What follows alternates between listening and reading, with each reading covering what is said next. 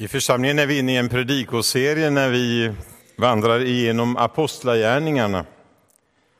Vi har fått förmånen att dela Guds ord här idag, den här söndagen. Och vi har kommit fram till det åttonde kapitlet, som gör är ett väldigt innehållsrikt kapitel. Och vi har kanske vissa favoritavsnitt där som vi brukar tänka på när vi tänker på apostlagärningarna 8 jag kommer att stanna inför några avsnitt i min predikan här idag. Och som vi hörde från början, jag dröjer inför temat att vara ledd av Anden. Vi eh, ska börja med att läsa de fyra första verserna i Apostlagärningarna 8.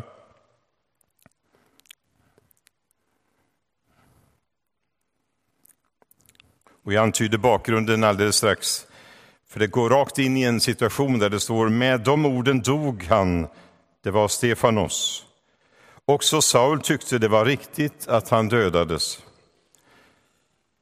Den dagen började en svår förföljelse mot församlingen i Jerusalem och alla utom apostlarna skingrades över hela Judeen och Samarien.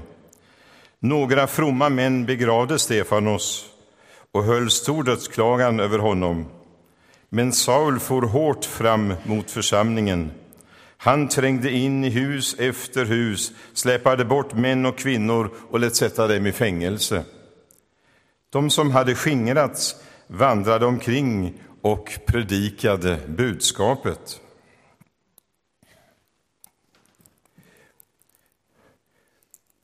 Om vi först ska säga något om bakgrunden här till den situation vi hamnar rakt i alla har ju inte haft möjlighet att följa den här predikoserien söndag efter söndag. Så kan man ju säga att allt sedan församlingen bildades eller grundades på pingstdagen, församlingen föddes genom att anden kom över eh, lärjungarna och att den heliga ande flyttade in i deras liv på ett påtagligt sätt och de blev och började utgöra Kristi kropp här på jorden. Allt sedan den dagen så hade församlingen haft en framgångsrik period egentligen. Den unga kyrkan upplever en stark expansion. Det står i en av texterna som föregår det här vi har läst lite tidigare. Guds ord hade allt större framgång. Antalet lärjungar fortsatte att ökas starkt i Jerusalem och en stor skara präster blev lydiga mot tron.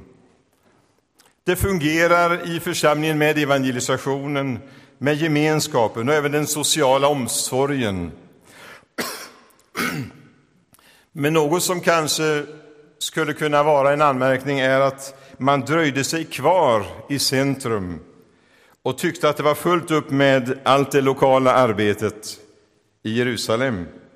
Man hade ännu inte riktigt tagit på allvar det som Jesus hade sagt i den utmanande Eh, de utmanande orden när han sa och ni ska vittna om mig i Jerusalem och i hela Judeen och Samarien och ända till jordens yttersta gräns.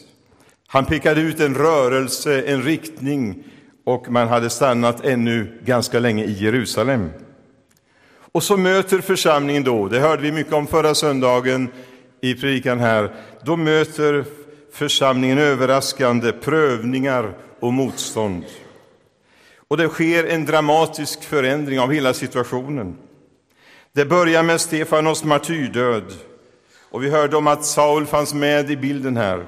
Och det utlöser en kraftig förföljelse, ett hastigt uppbrott, så att man inte ens hann ordna med en begravning av Stefanos. Det står några fromma män ställde upp med detta. Det måste ha varit hastigt och oerhört smärtsamt för de kristna i Jerusalem. Och det handlar verkligen om en svår förföljelse. För du hörde att jag läste nyss, men Saul får hårt fram mot församlingen. Han trängde in i hus efter hus, släpade bort män och kvinnor och lät sätta dem i fängelse. Det var inte bara en liten vindpust, utan det var som en stormvind som drog fram där i Jerusalem.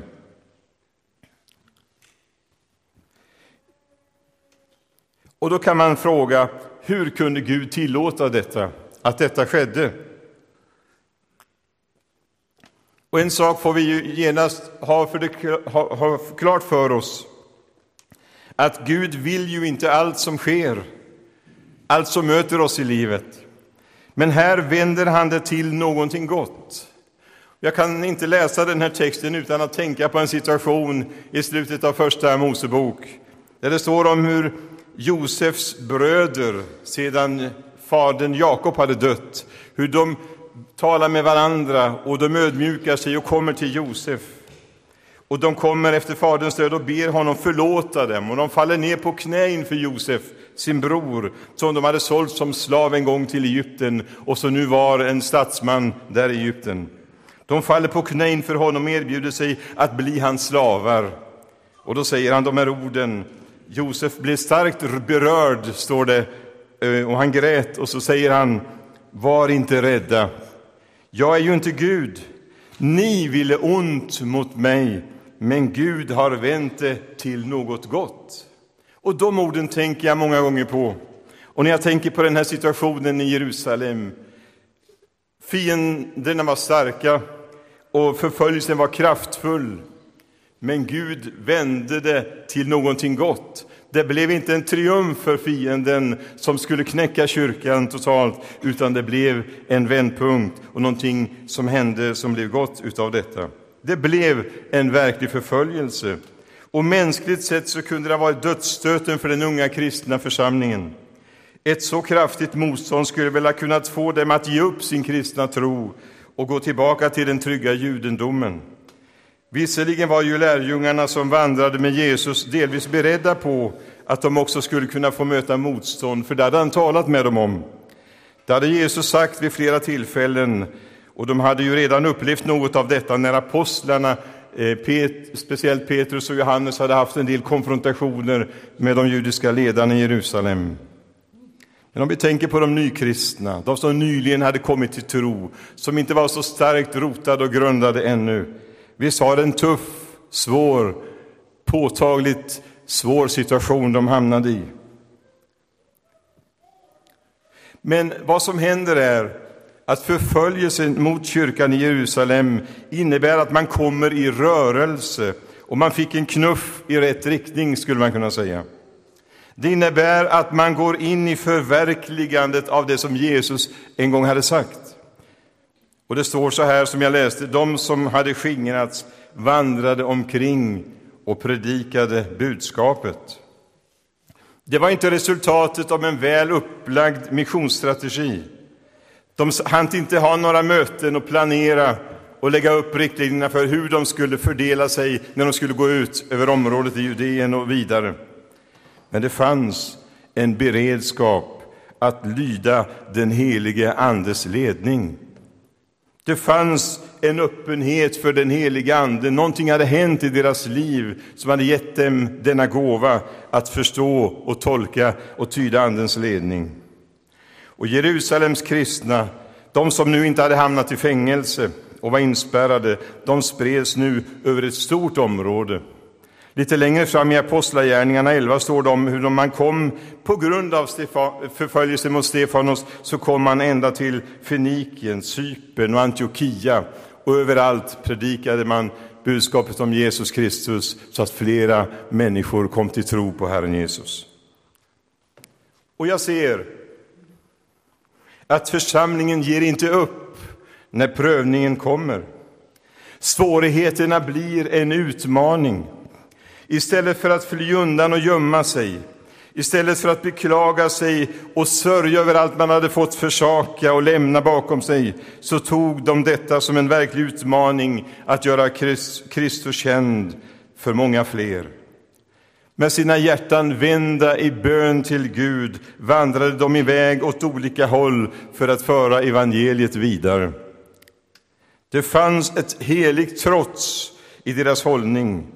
Det här skulle inte få knäcka dem. Och det är i den här situationen vi möter en man som är något av huvudpersonen i den här, det här kapitlet, nämligen Filippos.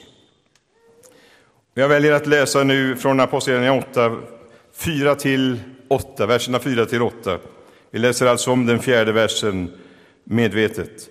De som hade skingrats vandrade omkring och predikade budskapet. Filippos kom till huvudstaden i Samarien och förkunnade Kristus för folket där. Alla lyssnade uppmärksamt på hans ord när de hörde honom tala och såg de tecken han gjorde. Ty från många som var besatta for de orena andarna ut under höga rop och många lytta och lama botades. Det blev stor glädje i den staden. Filippos kallas till en ny tjänst. Det börjar så. Vi vet ju inte mycket om Filippos bakgrund, men vi vet att han var en diakon, en av diakonerna i Jerusalem. Vi hörde om det i förra söndagen, ni som var med, hur apostlarna lät utse sju diakoner som var fyllda av tro och helig ande, som skulle uträtta praktiska tjänster och sysslor och också säkert använda, gå in i diakoni och omsorg och själavård. Och där fanns Filippos med som en av de sju. Han var fylld av den heliga Ande, det indikerar det som jag har sagt redan. Och han hade levt i centrum av händelserna i Jerusalem. Han hade varit med helt säkert på pingstdagen när detta mäktiga manifestation av den heliga Andes närvaro visade sig. Han hade sett Guds verk, manifestationen av kraften och närvaron av den uppståndne Kristus. Han hade upplevt gemenskapen, syskonkärleken, respekten för Guds helighet som vi läste om i kapitel 5 när, när på ett så tydligt sätt detta blev eh, märkbart. Han hade deltagit i lovsången och tillbedjan och upplevt hur kärleken var utgjuten i Kristi kropp.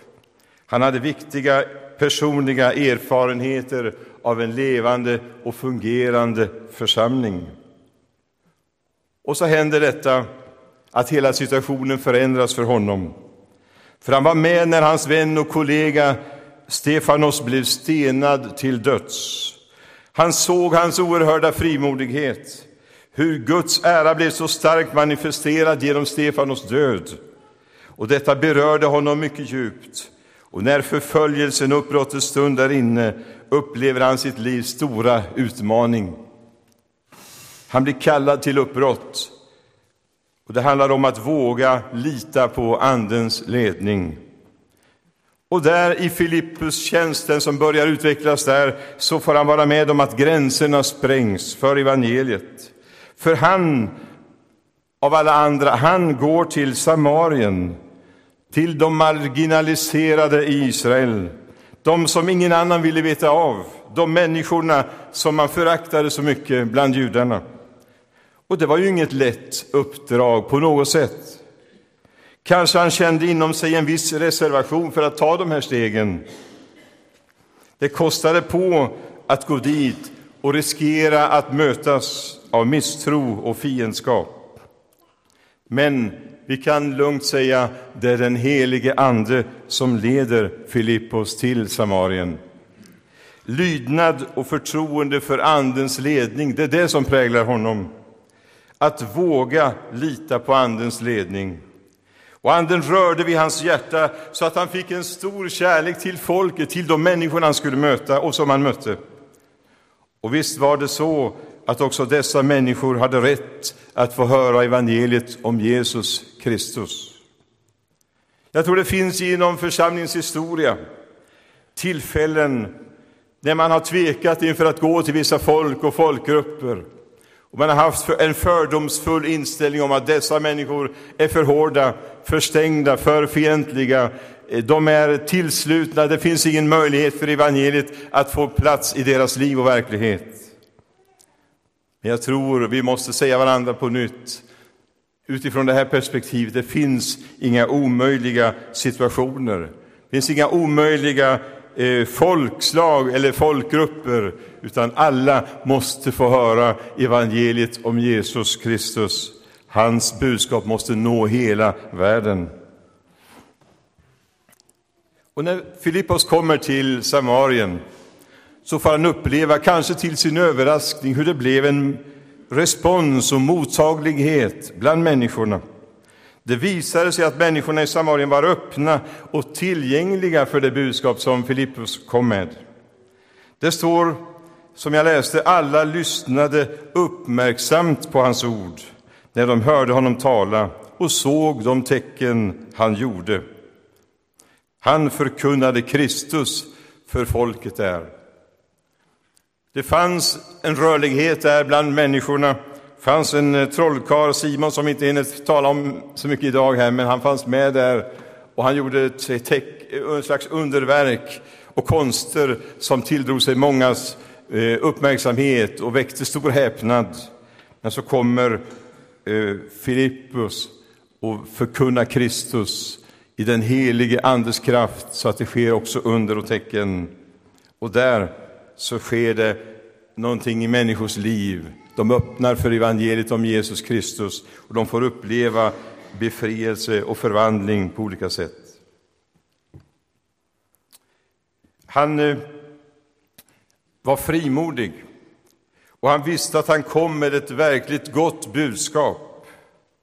Jag tänker på när Jesus några år tidigare hade varit i Samarien och lärjungarna, några, hade motvilligt följt med dit. Hur Jesus möter den samariska kvinnan utanför eh, staden Sykar. Ni känner väl till den där berättelsen, de flesta av er i alla fall. Och jag har inte tid att återge den, men jag vill bara hänvisa till hur Jesus i sitt samtal med kvinnan, när han eh, upplever hennes situation och, och avslöjar den kan man säga, men på ett, på ett eh, respektfullt och kärleksfullt sätt på samma gång, så säger han de här orden som öppnade hennes hjärta. Om du visste vad Gud har att ge. Det stod i den gamla översättningen, förstod du Guds gåva, vem det är som säger till dig och så vidare. Men han säger, i den nya översättningen här står det, om du visste vad Gud har att ge.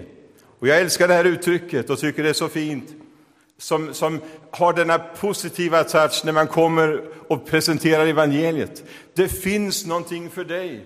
Om du förstod det verkligen, vad Gud har tänkt för dig, vad Gud har ämnat för dig och ditt liv, med den anknytningspunkten så kan det öppna människors hjärtan. Och jag tror det var så Filippos eh, eh, hade eh, sin framtoning också här i Samarien, när han fick uppleva denna ska vi säga, förundrade kärlek över att och eh, kärlek till dessa människor. Han var förvånad själv kanske över att han skulle älska dessa människor så och han ville ge sig helt för att ge dem evangeliet, de goda nyheterna om Jesus Kristus. Han fick uppleva Andens ledning steg för steg i det han gjorde. Han skämdes verkligen inte för evangeliet om Jesus Kristus. Han hade en stark tilltro till att det gäller alla människor. Alla behöver få höra om Jesus, vilka kulturella ramar man än lever inom. Och så är det ju också idag, som jag redan var inne på förut. Därför så måste vi känna, vi har detta missionsengagemang också, att vi vill vara med och påskynda och uppmuntra de som går ut i missionstjänst därför att de får vara så viktiga och betydelsefulla i de olika miljöer där de finns för att presentera Jesus. Han predikade frimodigt evangeliet om Jesus Kristus och det skedde underverk i Jesu namn. Befrielse från onda makters inflytande över människor och verkliga helande under. Man såg många manifestationer av Guds mäktiga kraft. Och undra på att det sedan beskrivs som att det blev en förvandlad stad. Guds, det, de, det blev en stor glädje i staden, står det. Och jag vill säga att det blev en förvandlad stad där Guds rike bryter fram. Det blev stor glädje i staden. Jag undrar på det när människor blir befriade och upprättade där de får känna en helt ny frihet och glädje och blir lösta från bitterhet och hat. Alla dessa eh, saker som binder människor och som, eh, som, som låser positioner, de fick öppna sig ta emot förlåtelse, befrielse och fick uppleva hur Guds kärlek flyttade in i deras liv, hur de genom den heliga Ande fick eh, en helt ny dimension av liv och, och framtidstro. Filippos själv predikar med en allt större frimodighet och auktoritet. Och evangelistens gåva, som kanske hade funnits lite latent hos honom, blommar ut för fullt medan han tjänar. Och det är så det ofta fungerar i tjänsten i Guds rike. När vi tror och lyder och handlar efter det som vi känner Andens ledning till, så får vi den kraft vi behöver i den stund då vi bäst behöver den. Paulus säger i Fesebrevet angående lemmarna i Kristi kropp, enligt den gamla översättningen 1917, att det finns en kraft som är avmätt efter varje särskild dels uppgift. Och jag, jag, tycker om den versionen, den översättningen, därför att det har talat till mig så mycket under åren och betytt så mycket för mig själv. Jag fick den som en personlig hälsning en gång när jag var på mitt livs enda ungdomsläger, på Östgötagården till och med. Eh, jag var 20-årsåldern. Och där i ett samtal med pastor Sigvard Hernbro, när jag sökte vägledning, så gav han mig den här minnesversen i Efesierbrevet 4 och 16. Och han pekade på de här orden. Och han visade på att det är inte alltid du känner dig så stark. Det är inte alltid du, du liksom har de yttre tecknen på den heliga andens närvaro, men du kan få uppleva att det fungerar på det här sättet. Det finns en kraft som är avmätt efter varje särskild dels uppgift. Och det har betytt mycket för mig personligen, när jag vågat gå på det löftet, att lita på att när jag känner Andens ledning och vågar gå, så utlöser det också kraft i den stund jag bäst behöver det. Och det fungerar i kontakten med Gud och jag får känna att Gud leder och han använder också en svag person som mig. Det har fungerat och jag är så tacksam för det. Jag har ganska långt perspektiv nu, jag har hunnit så långt, även jag. Det här var när jag talar om när jag fick den här minnesversen. Jag var 20 år. Och det var, eh, Eh, efter det har, har det hänt så mycket under åren. Under allt har jag fått uppleva och pröva att det håller att lita på och räkna med Gud och Andens ledning också. Jag önskar bara att jag skulle vara ännu mer lyhörd, ännu mer öppen för detta. Får jag läsa vidare här från kapitel 8, vers 14 till 17 och även den 25 versen. Och då hoppar vi över situationen med, med eh, trollkarlen Simon. Men det handlar om hur eh, apostlarna i Jerusalem fick höra att Samarien hade tagit emot Guds ord. De sände dit Petrus och Johannes som reste ner och bad för de troende att de skulle få helig ande. Ty ännu hade anden inte kommit över någon av dem. De var bara döpta i Herren Jesu namn. Men nu lade apostlarna sina händer på dem och de fick den helige Ande. Och vers 25.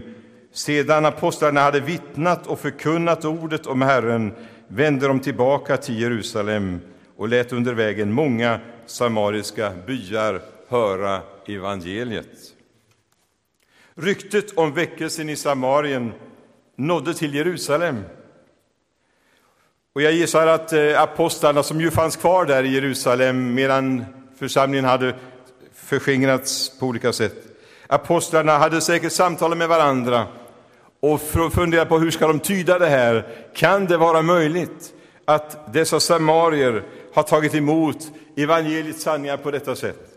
Och de eh, känner nu ska vi skicka Petrus och Johannes för att få en en rätt version av vad som har hänt och de skulle få se det med egna ögon. Och så kommer Petrus och Johannes på ett betydelsefullt besök. Jag tror inte de kommer på något sätt med en attityd av att kontrollera läget utifrån sitt perspektiv. Och jag tror inte att Filippos kände det obekvämt på något sätt när de kommer, utan att han är tacksam och uppmuntrad av deras besök och apostlarna blir informerade och de gläds och förundras över vad Gud gjort bland samarierna och de ställer engagerande frågor. De ser också en sak som var viktig här. De upptäcker hur viktigt det är att be om den heliga Ande över de nykristnas liv. De fick höra att de hade ännu inte tagit emot den heliga Andes, eh, blivit uppfyllda av den heliga Ande på det sätt som de själva hade gjort erfarenhet av på pingstdagen och även senare. Och då känner de, vi måste hjälpa dem, vägleda dem, hjälpa dem till en personlig erfarenhet av den helige Ande, så att de blir uppfyllda av helig Ande. Precis som de kom ihåg hur Jesus hade sagt till lärjungarna i Jerusalem, De som han ändå hade andats på och sagt tag emot helig ande. Han säger också senare, stanna kvar i Jerusalem till dess ni blir beklädda med kraft ifrån höjden. Och han sa, när den heliga Ande kommer över er ska ni få kraft att bli mina vittnen. Det fanns en speciell erfarenhet att ta del av för att bli rustad på det sätt som, som Gud hade tänkt. Och det ville de vara med och förmedla i den stunden. Också detta tycker jag är ett bevis på Andens ledning på ett mycket intressant sätt. De hade tidigare helst, dessa två och flera av apostlarna hade tidigare helst velat undvika att gå till det här området som vi känner till. Se, och vi kan tänka på en gång när Jesus och, och lärjungarna var passerade där och de ville gå in i ett stad och människorna vägrade ta emot dem. Och då säger just denne Johannes och hans bror Jakob, de frågar Jesus, Herre, vill du, ska vi kalla ner eld från himlen som förgör de här människorna? De var beredda att nedkalla en förbannelse över folket i en slags hämnd för att de hade stängt sina hjärtan och inte ville ta emot och öppna för Jesus och lärjungarna när de kom där. Och nu, denne Johannes, han ber, starkt berörd av Guds kärlek till dessa människor. Han ber om Andens eld över deras liv, så att de ska bli frimodiga och starka i sin tro. Visst är det underbart att se vad som har hänt också i hans liv och uppleva hur Anden kan leda. Och då tänker jag på en sång man sjöng mycket, speciellt kanske på 70-talet. Inga-Maj Hörnberg skrev en sång, Ande skön kom till mig, och där det står i en vers så här, han går sina egna vägar och följer ej våra råd. Han ser till ett ärligt sinne och ger utav bara nåd. Anden är suverän i sin ledning och i sitt handlande. Och I vers 25 som jag läste så står det om hur apostlarna återvänder med ny inspiration efter vad de har sett av det pionjärarbete som skedde i, i eh, Samarien.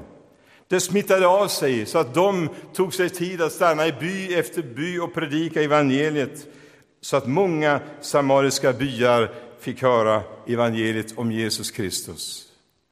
De blev tända, inspirerade av vad de fick se och bevittna. Vi lever i en tid när man sam samtalar om församlingsplantering och olika evangelisationsformer. Vi har hört det också här i, vår, i vårt sammanhang i vår kyrka, hur man ibland kan samtala om uh, detta att knoppa av sig, att bilda nya församlingar, om det skulle påverka negativt den moderförsamlingen då, eller om det kan vara en välsignelse och innebära förnyelse och en ny inspiration och nytändning för den församling som får vara med och välsigna nya grupper. Det här kan vi be vidare över och vi får vara inne i en intressant process och liksom börja göra det här till vår egen erfarenhet på nytt igen. Men apostlarna återvände förnyade i sin tro på Guds möjligheter och glada över vad de fick se och bevittna. För de förstod ju här att det här var någonting som skedde på många håll i Judeen, Samarien och runt omkring. Att dessa människor som hade fått ge sig iväg eh, hastigt från Jerusalem inte satt någonstans i små klaner och bara begrät sin situation, utan de var frimodiga i sin tro på Jesus Kristus och vittnade för många andra.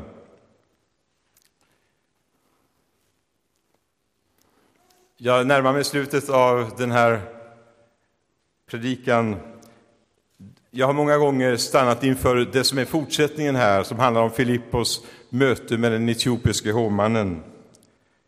Och det ska vi inte göra nu, för det är så intressant och det skulle eh, ta mycket tid i anspråk. Det är spännande att se när man läser vidare i det här kapitlet och liksom sedan går vidare i Apostlagärningarna. Men här just är det intressant att se hur Filippos kallas att gå vidare till ett nytt uppdrag där han ska möta, Gud hade förberett, han skulle möta den etiopiske finansmannen som hade varit i Jerusalem för att be och tillbe. Han blir kallad på nytt in i det okända. Han får lämna nu väckelsens centrum där han hade fått vara en viktig, figur, en viktig person för att leda väckelsearbetet där i Samarien. Nu blir han kallad att gå vidare till en öde plats och han vet inte mycket mer. Han har bara, bara att lita till den heliga Ande. Och han är beredd till uppbrott. Och när jag har undervisat på Bibelskolan i Afrika har jag brukat säga han möter rätt person på rätt plats i rätt tid med de rätta orden. Och det är lite en förebild för evangelisation, hur man kan fungera i evangelisation under den heliga Andes ledning. Han förs av Anden till en plats där han möter en människa som kommer, vars hjärta är väl förberett, för han sitter och läser från Jesaja bok. Han hade köpt en skriftrulle i Jerusalem, förmodligen, och så sitter han och läser en text som handlar profetiskt om Jesu död, lidande och död på korset. Och där får Filippos komma och förklara och eh, förtydliga vad det handlar om och ge den evangeliska tolkning som leder till att han öppnar sitt hjärta och tar emot Jesus. Och innan han reser vidare blir han också döpt i ett vatten där.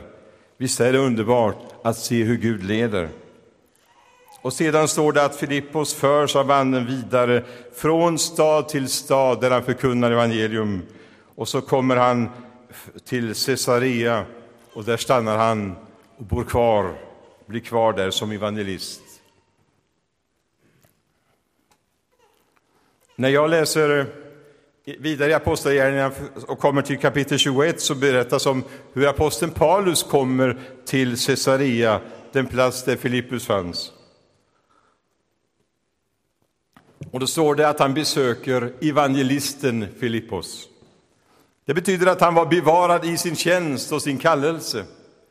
Och det hade påverkat hela hans familj så att han hade fyra döttrar som profeterade. Det var en stark karismatisk familj och gemenskap där Guds ande var verksam. Och det står att Paulus och hans medhjälpare stannade några dagar där hos Filippos i Caesarea.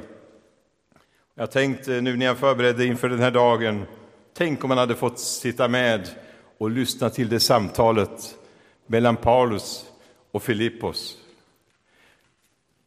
De skulle säkert gett rapporter till varandra om vad Gud hade verkat genom Guds nåd i deras liv. Uttrycka sin tacksamhet att de fick vara Herrens tjänare, att kallelsens eld brann fortfarande i deras hjärtan. Men kanske Filippos skulle också säga, Paulus, vet du att egentligen så har jag dig att tacka för att jag kom ut på banan som evangelist. Trots att det var så hotfullt, trots att vi alla var så rädda för dig, trots att du var en veritabel skräck i hela Jerusalem. Det var tack vare den förföljelsen som jag kom vidare och det förlöste evangelistkallelsen över mitt liv. Jag har fått fortsätta så hela vägen och fortsätta tills idag. Paulus som många gånger säger jag som är den ringaste av apostlarna och som eh, jag som till och med förföljde Guds församling.